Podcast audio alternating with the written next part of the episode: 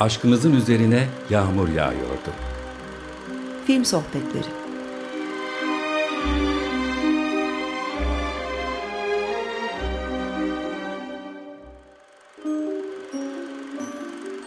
Hazırlayan ve sunan Zeynep Ünal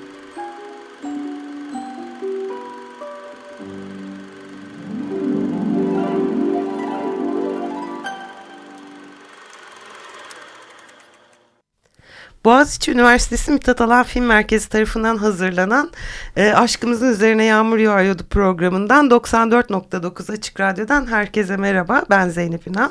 Bugün hem sinemamız adına hem de Mithat Alan Film Merkezi adına çok kıymetli iki dostumuz e, buradalar. E, akademisyen, senarist, yazar Feride Çiçekoğlu ve yönetmen Melisa Öner'le birlikteyiz. Hoş geldiniz öncelikle. Hoş bulduk. Merhabalar. Ee, birlikte Andre Arnold'un 2009 yapımı Fish Tank e, Türkçe çevirisiyle Akvaryum filmini konuşacağız. E, ben kısa bir filmden bahsedeyim öncelikle.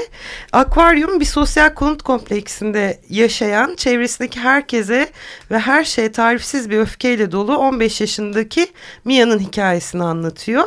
Annesinin son sevgilisi Connor'ın bir sabah ansızın mutfakta belirle, belirmesinin ardından Mia'nın hayata duyduğu öfke yerine önce tedirgin edici bir arzu ve heyecana ardından da derin bir hayal kırıklığını bırakıyor.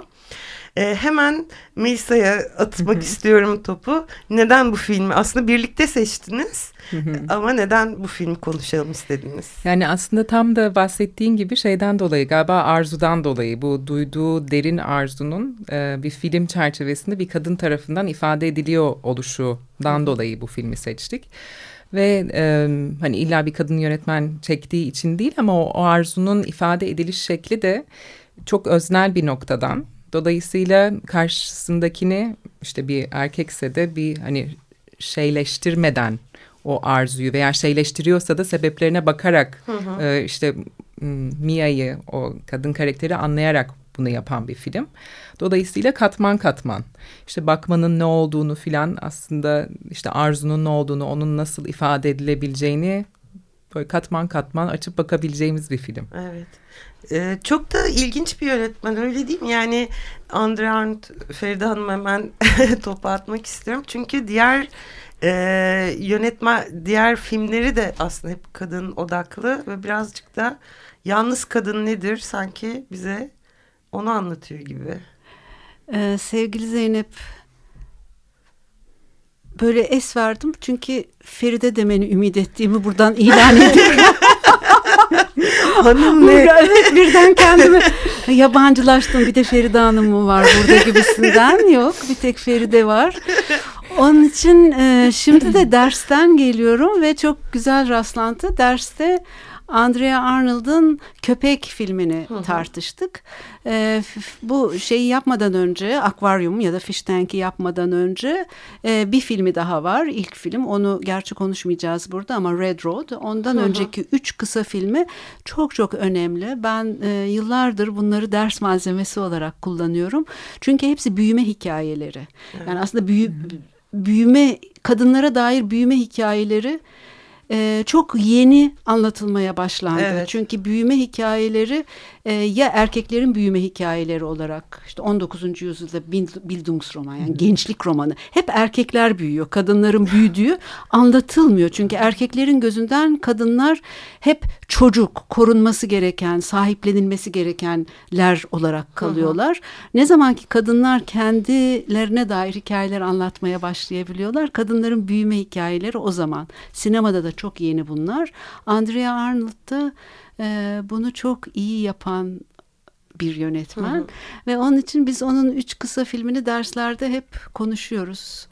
Ve e, şimdi çok taze çıktığım için dersten ben de anısı çok e, yeni. Hoş görürseniz bir nebzecik bahsetmek tabii, istiyorum. Tabii. E, şu çok enteresan erkek öğrencilerle kadın öğrencilerin filmlere bakışı arasında bu kadar derin bir fark olduğunu ben Andrea Arnold'un filmleri üzerinden hı hı fark ettim. Yani köpek filmini izleyicilerimiz umarım bulabilirler, dinleyenler ve e, hani şimdiden sürprizini bozmak istemem ama şu kadarını söylemekle yetineyim. Erkek öğrenciler şefkate muhtaç bir genç kız görüyorlar Hı hı. filmde. E, kadın öğrenciler ise e, artık karşı çıkmayı başarabilen bir kadın görüyorlar. Görüyorlar. Yani bu bu bu bu fark bana her zaman çok çarpıcı geliyor ve e, yıllar ilerledikçe bu farkın azalacağını ümit ediyorum. Ümit Ya, etmeye evet. devam ediyorum hala. Akvaryum filminde de bu çok belirgin. Andrea Arnold büyüme hikayeleri anlatırken hep e, kızlar, genç kızlarla anneleri arasındaki çelişkiye de çok önem veriyor ve bunu çok merkeze alıyor. Doğru. Yani hep çünkü büyüme hikayeleri babaya karşı Evet, bir şey olarak evet. tanımlandı ya. Yani Ödip'ten bu yana işte Freud'dan he- her zaman yani büyüme sanki babaya karşı çıkmak. Ama kadınların büyümesi anneyle e, savaşarak oluyor. Oluyor.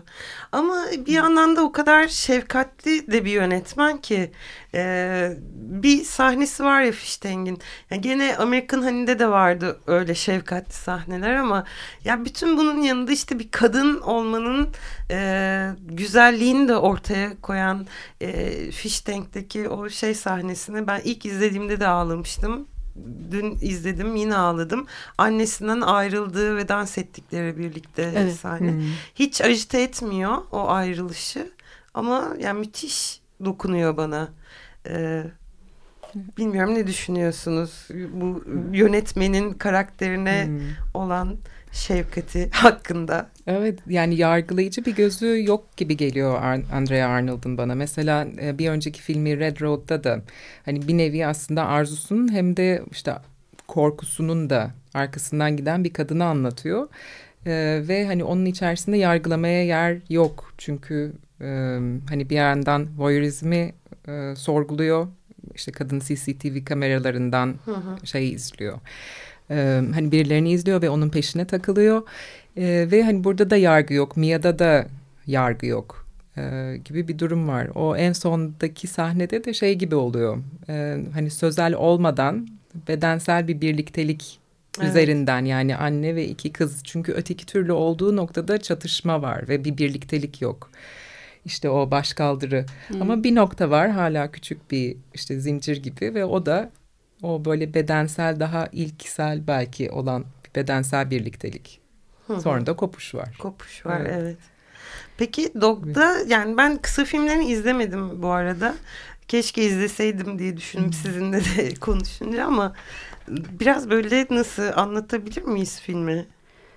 Ee, Anlatmayalım mı? Anlatmayalım sanki Tamam. çünkü e, çok uzun bir film de değil. İzlemesi çok e, yani mesela bilmeden izlemek daha e, bence zenginleştirici bir şey. Çünkü sürprizi olduğunu düşünüyorum. Belki e, zaman içinde o e, yumuşaklığa yargılamamaya daha çok yaklaşmış olabilir. Yani ilk kısalarında e, o öfke ve e, karşı çıkış yanı daha güçlü. Evet. E, ve mesela şeyde de e, akvaryumun sonunda da evet o üçlü dans var yakın ama filmi asıl tanımlayan bırakma ve gitme, kopma, Evet. kopabilme. E, sevgili Zeynep ben sormak istiyorum hangisi gözünü yaşartıyor senin? Kopma faslı mı, üçlü dans faslı mı? Üçlü dans faslı aslında o veda sahnesi. Hı hı. Yani sonrası ya da öncesi değil. Yani o vedanın öyle tanımlanıyor Evet. Olması, üzerine konuşulmaması aslında sen bahsettiğin Hı hı. gibi. Yani hadi görüşürüz demek yerine onu öyle tanımlamaya çalışmaları. Beden Ve- üstünden olmak. Evet yani Evet. ağız açıldığı zaman o böyle kavgaya dönüşecek ve bunun herkes çok farkında. Evet. Ve susmayı tercih edip dans ediyorlar. Ve çok etkileyici geliyor bana o. O, zaman işte tam bunun üstüne kö- köpek filmini seyretmek lazım. Ya çok merak ettim. Çok fenaymış. Çok Ben ama bu bu şeyi gerilimi böyle bir suspense filmi gibi bırakayım ki herkes Evet, meraktan evet, seyretsin. meraktan. Bu arada yönetmenliğine dönecek aslında e, Andre Arnold benim bildiğim kadarıyla bir oyuncu. Oyunculuktan yönetmenliğe geçmiş bir yönetmen. E, ve en çok da e, kıyaslanan e, ya hep böyle Ken Loach'un varisi falan gibi hmm. bir tanım yapılıyor. Bence değil. E, ne ya, düşünüyorsunuz evet. yönetmenliği konusunda? Yani e, hani belki o sosyal realizm açısından belki o açıdan benzetiliyor e, diye tahmin ediyorum. Evet, Öyle diye de hani okuyorum ama onun dışındaki hani bütün kamera dili çok belirgin Andrea Arnold'un. Mesela Ken Loach'un da kamera dili çok çok belirgin. Bir tanesinde o öznellik ve onun içerisine girerek bir algısal dünya yaratma, onun içerisinden bütün dertleri konuşma gibi bir şey var. Ötekisinde de belki hani aynı dertler aynı yerlerde dolanılıyor ama onun ifade ediş biçimi çok farklı. Ve o ifade ediş biçimi aslında yani neyi nasıl söylediğimiz, söylediğimiz şeyi de etkiliyor bence. Evet. Ee, ben ikisinin o kadar farklı olduğunu düşünüyorum ki kıyaslanması bile hı hı. bana herhalde Andrea Arnold'u da çıldırtıyor olabilir diye düşünüyorum. Evet. Söyleyeyim neden olduğunu. Andrea Arnold o Melisa'nın çok sevdiği yanıyla çok doğaya e, önem veren hı hı. ve ayrıntılar üzerinden ve sözsüz ifade eden e, hikayesini hı hı. birisi. Ken Loach ise lafa döken birisi. Çok şehir, çok futbol, çok erkek. Evet. Yani hangi birini saysam ki hani onun iyileri ve kötüleri çok net, çok hani böyle net bir şekilde sınıf üzerinden tanımlanan bir sinema yapıyor. Yani Andrea Arnold'ın mutlu olacağını düşünmüyorum. Ben de. evet. Ama şöyle görünce de hep yönetmenliği Ken Loach'la e, şey yapılmış. Belki işte irdeledikleri konular itibariyle benzer. İşte sınıf mevzusu, sınıf mevzusu belki evet. O, ilgili. sadece o kadar Ama bence. hiç Andrea evet. Arnold'ın sınıf mevzusu üzerinden baktığına katılamayacağım. Kusura bakmayınız. Yani evet. Bak yani sonuçta baktığı, konuştuğu yer bir şeyin içinden ya ve çok içinden. O açıdan herhalde benzetiliyor. Ama karşısına diye. bir şey alıyor mu yani? Yok almıyor işte yargılamıyor evet. olması oradan o Evet. Bir şeyler söylüyor ama yargılamadan bunu söylüyor gibi. Doğru. Doğruyla iyiyle kötüyü birbirine ayırmadan öyle bir derdi olan bir kadın değil gibi zaten. Doğru doğru bir de şey galiba benim çok hoşuma gitmiyor böyle bir hani kadın yönetmeni veya kadın sanatçıyı ille hmm. bir erkek yönetmenle erkek birine referansla yani onu hani bu kendine dair biri olamaz mı? Bana çok kendine hmm. dair gibi geliyor. Bir şeyin devamı veya mirasçısı veya bir şeyle beraber hmm. aynı paranteze girecek birisi gibi Değil. hissetmiyorum. Hmm. Bu arada e, en önemli özelliklerinden biri de bence yönetmenin e, başrolü oynattığı karakterleri e, sokaktan aslında bir şekilde yani müthiş bir gözlem yeteneği var. Yani filmlerinde de görüyoruz. Ama şeyi de e, Mia'yı oynayan e, bir dakika not almıştım oyuncuyu Katie Jarvis. E, metroda erkek arkadaşıyla kavga ederken değil mi keşfetmiş? e, şeyi de öyle American hani de starı da aslında evet. öyle bir keşfi vardı. Ee, Wuthering Heights'ta bildiğim kadarıyla öyle. Yani e, nerede nasıl keşfetti bilmiyorum ama hı hı. oyunculardan bir veya iki tanesi e, e şey değil e, yine. Profesyonel değil. Evet. evet. Ee, çok iyi iş çıkarmış değil mi? Yani Mia'yı oynayan. Çok çok şahane gerçekten. Evet. Ve, e, yani tabii bu şeyi de sorgulatıyor bize. Hani oyunculuk gerçek hayattaki hmm. davranışla ne kadar paraleldir, ne kadar farklıdır. Hani iyi oyuncu kendi ne çok uzak kişilikleri de canlandırabilir elbette. Hı hı. Ama Arnold'un yoğunlaştığı büyüme çağındaki insanlar için o evet. e, sahicilik galiba e, daha önemli. Doğru. Buradan da bizim hemen bir yere bağlayacağım tabii ki. Nevin Aypar'a e, bizim görsel hafıza kayıtlarından Nevin Aypar'a bir kulak verelim dilerseniz. Filmin ismini şimdi pek hatırlayamayacağım. Bülent Orhan falan oynamıştık beraber. İzmir'de çalıştık. İzmir'de de bir deprem oldu o ara. Korktuk. Yani bıraktılar filmi daha doğrusu. Bir kısmını burada çektiler. Buraya geldik. Oradan ayrılıp da vapura binerken hepimiz ağlıyorduk. Burada kaldı film diye. Yani o kadar güzel geçerdi çalışmalarımız. 6 aylık hamileydim. Benim için senaryo yazdılar. Oynattılar. İşte stüdyoya gidiyoruz. Her gün Aksaray'dan geçiyoruz. Bakırköy'e gideceğiz stüdyoya. Şeyler de çok severlerdi turşu suyunu. Atıf Kaptan falan. Allah rahmet eylesin. Tam oraya yaklaştığımız zaman dürterlerdi beni Nevin. Canım turşu suyu çekti der. Hamileyim ya. Tabi arabayı hemen durduracaklar alacağız. Çocuklar canım turşu suyu çekti. Hemen araba durur. İkişer üçer bardak inip içerlerdi. Ya böyle güzel şeyler olurdu yani. Aşkımızın üzerine yağmur yağıyordu da Feride Çiçekoğlu ve Melis Evner'le sohbetimiz sürüyor. Az önce dinlediğimiz kayıtlar Mithat Alan Film Merkezi'nin görsel hafıza projesi kayıtlarındandı. Ee, şimdi bir de filmin ismini de e, çünkü e, benim gözlemlediğim kadarıyla akvaryum filmin adı ama akvaryuma pek bir gönderme göremedim. Sadece hissiyatı ile ilgili. ama sen öyle olmadığını aslında olduğunu bir yönetmen olmadığını böyle bir şeyi var işte güzelliği. Yani şey Mia'nın bu dans ettiği, tek başına gidip dans ettiği e, terk edilmiş bir evde, işte bir apartman dairesinde ki sahnede e, özellikle bu artık Connor'a duyduğu arzunun hani önüne geçemeyeceğini hissettiği noktada onun çok sevdiği bir şarkıya dans ediyor ve şarkının sesi gidip bir akvaryumun içerisindeki su sesi geliyor. Ve hani anlıyoruz ki o artık hani tamamen o onun içerisinde ve dışarıda camın ötesinde de o gördüğümüz işte bütün o toplu konutlar ve şey var ve o işte bunun içinden çıkacak mı çıkmayacak mı? İşte filmde ona referans aynı zamanda o beyaz at var. İşte kurtulacak mı kurtulmayacak, Kurtulmayacak mı? mı? Connor'ın nehirde eliyle böyle yakaladığı bir balık, Balık var. var evet. Sonra bir sopa geçirip öldürdüğü, sonra köpeğin yediği Evet. balık. Ve böyle bir hani iç içe geçmiş bir e, şeyler var. E, hani akvaryumu içinde kalmış falan hissini veren. Belki bu e, ekran görüntüsünde gördüğü Connor'ın kızına ait görüntüyü de ekleyebilirsin onun üstüne. Temin çok güzel anlattın. Onun için sen anlatsan daha iyi olur. Evet e, filmin işte sonlarına doğru e, bu hani azıcık filmin hikayesine giriyor olacağız ama işte Mia e, ve Connor annesinin sevgilisiyle bir ilişkisi oluyor E, ve bir çocuğu ve karısı olduğunu gördüğünde öfkeleniyor ve evlerine giriyor.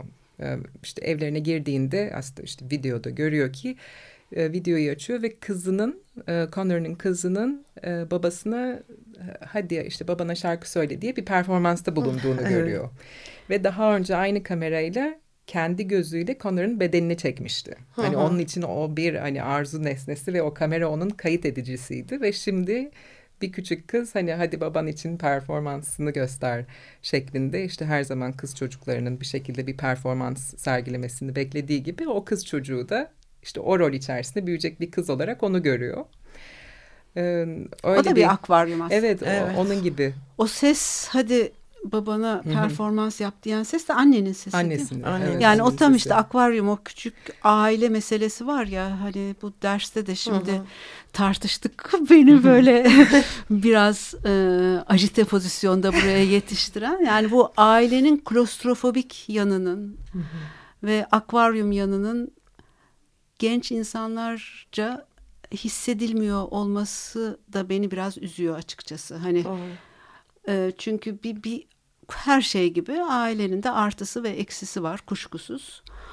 Ama yani onun büyümeyi engelleyen bir şey olduğunu e, bence gençlere e, fark ettirmemek için çok fazla girdi var ve o onun yarattığı yanılsama insanların büyümesini engelleyen bir Evet. şey. Bence Andrea Arnold esas oraya çomak sokuyor. Yani işte o o akvaryum o. Evet. Sizin kendinizi korunaklı bulduğunuz, en doğrunun orada olduğunu sandığınız şey. Onu kırmadığınız zaman büyüme imkanınız yok.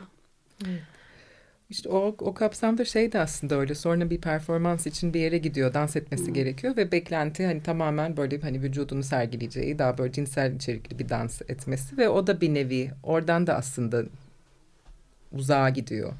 Yani o, o öyle hani bu toplumun kuralı böyle aile olmak böyle ve bundan ileriye adım atıyor gibi. Evet. Evet aslında şey çok güzel olmaz mı?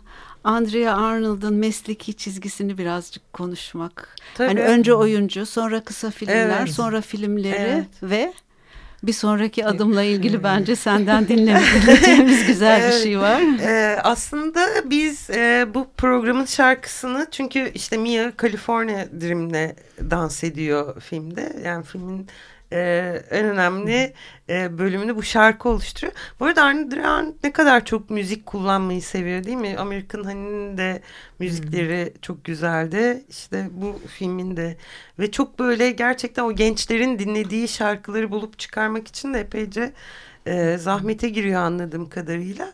E, neyse Kanır'ın işte en sevdiği şarkı olan California Dream'de dans etmesiye karar veriyor. Fakat biz geçtiğimiz haft geçtiğimiz programda 15 gün önceki programda şeyi işledik. E, Chunking Express'i e, konuştuk ve orada da yine aynı şarkı e, ana şarkıydı. O yüzden e, dedim ki ben de Feride Hanım'a ya evet hani bu şarkı çok güzel ama e, maalesef hmm. kullandık. E, bir yandan da ben orada sanki ikinci sezonu da izlemişiz gibi geldi. E, Big Little Lies'ı da Andre Arnold çekiyormuş. E, onun için Hiç oradan bir şarkı mı kullansak acaba dedim ama 2019'da yani çekmiş ama biz 2019'da izleyeceğiz.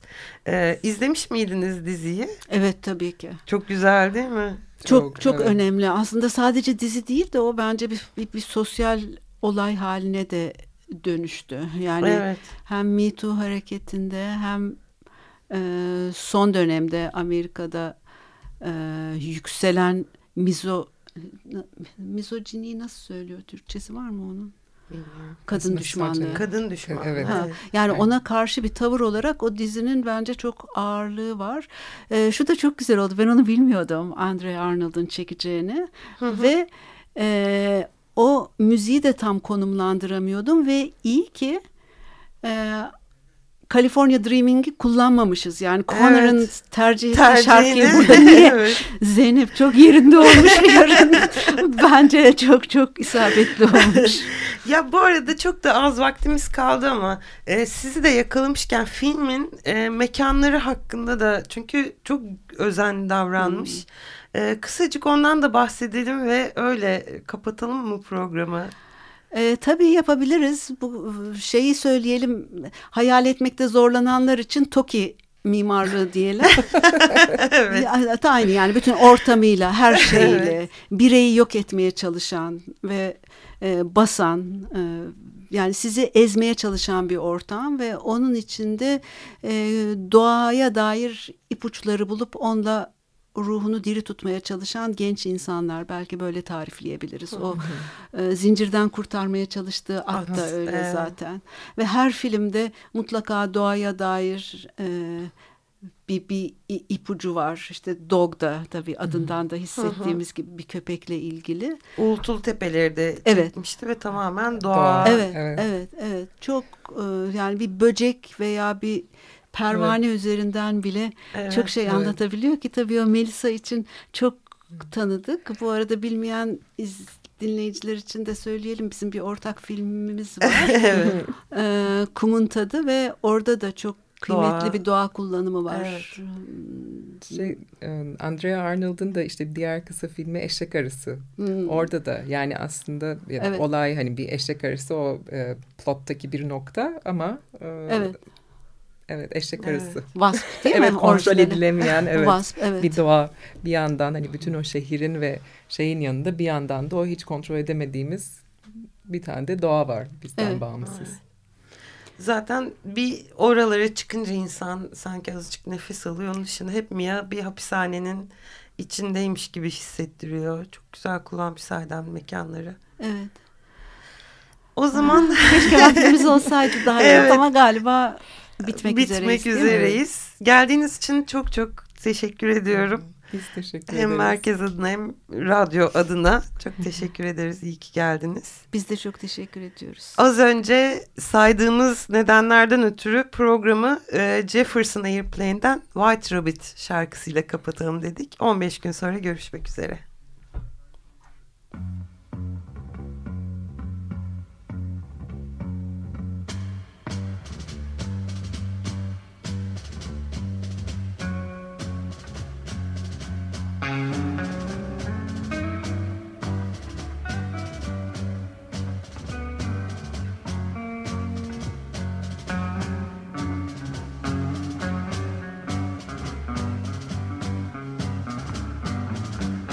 One pill makes you larger, and one pill makes you small. And the ones that mother gives you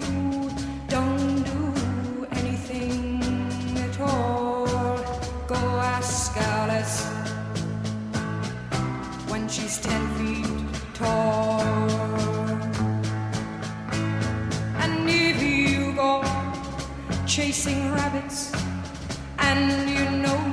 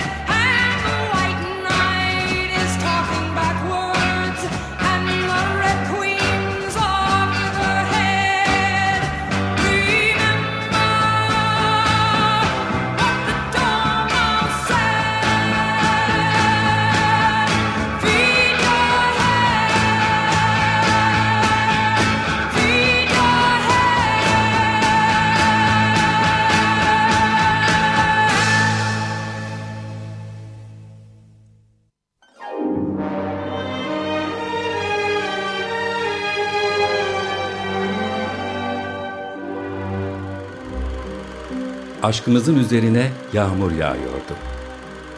Film Sohbetleri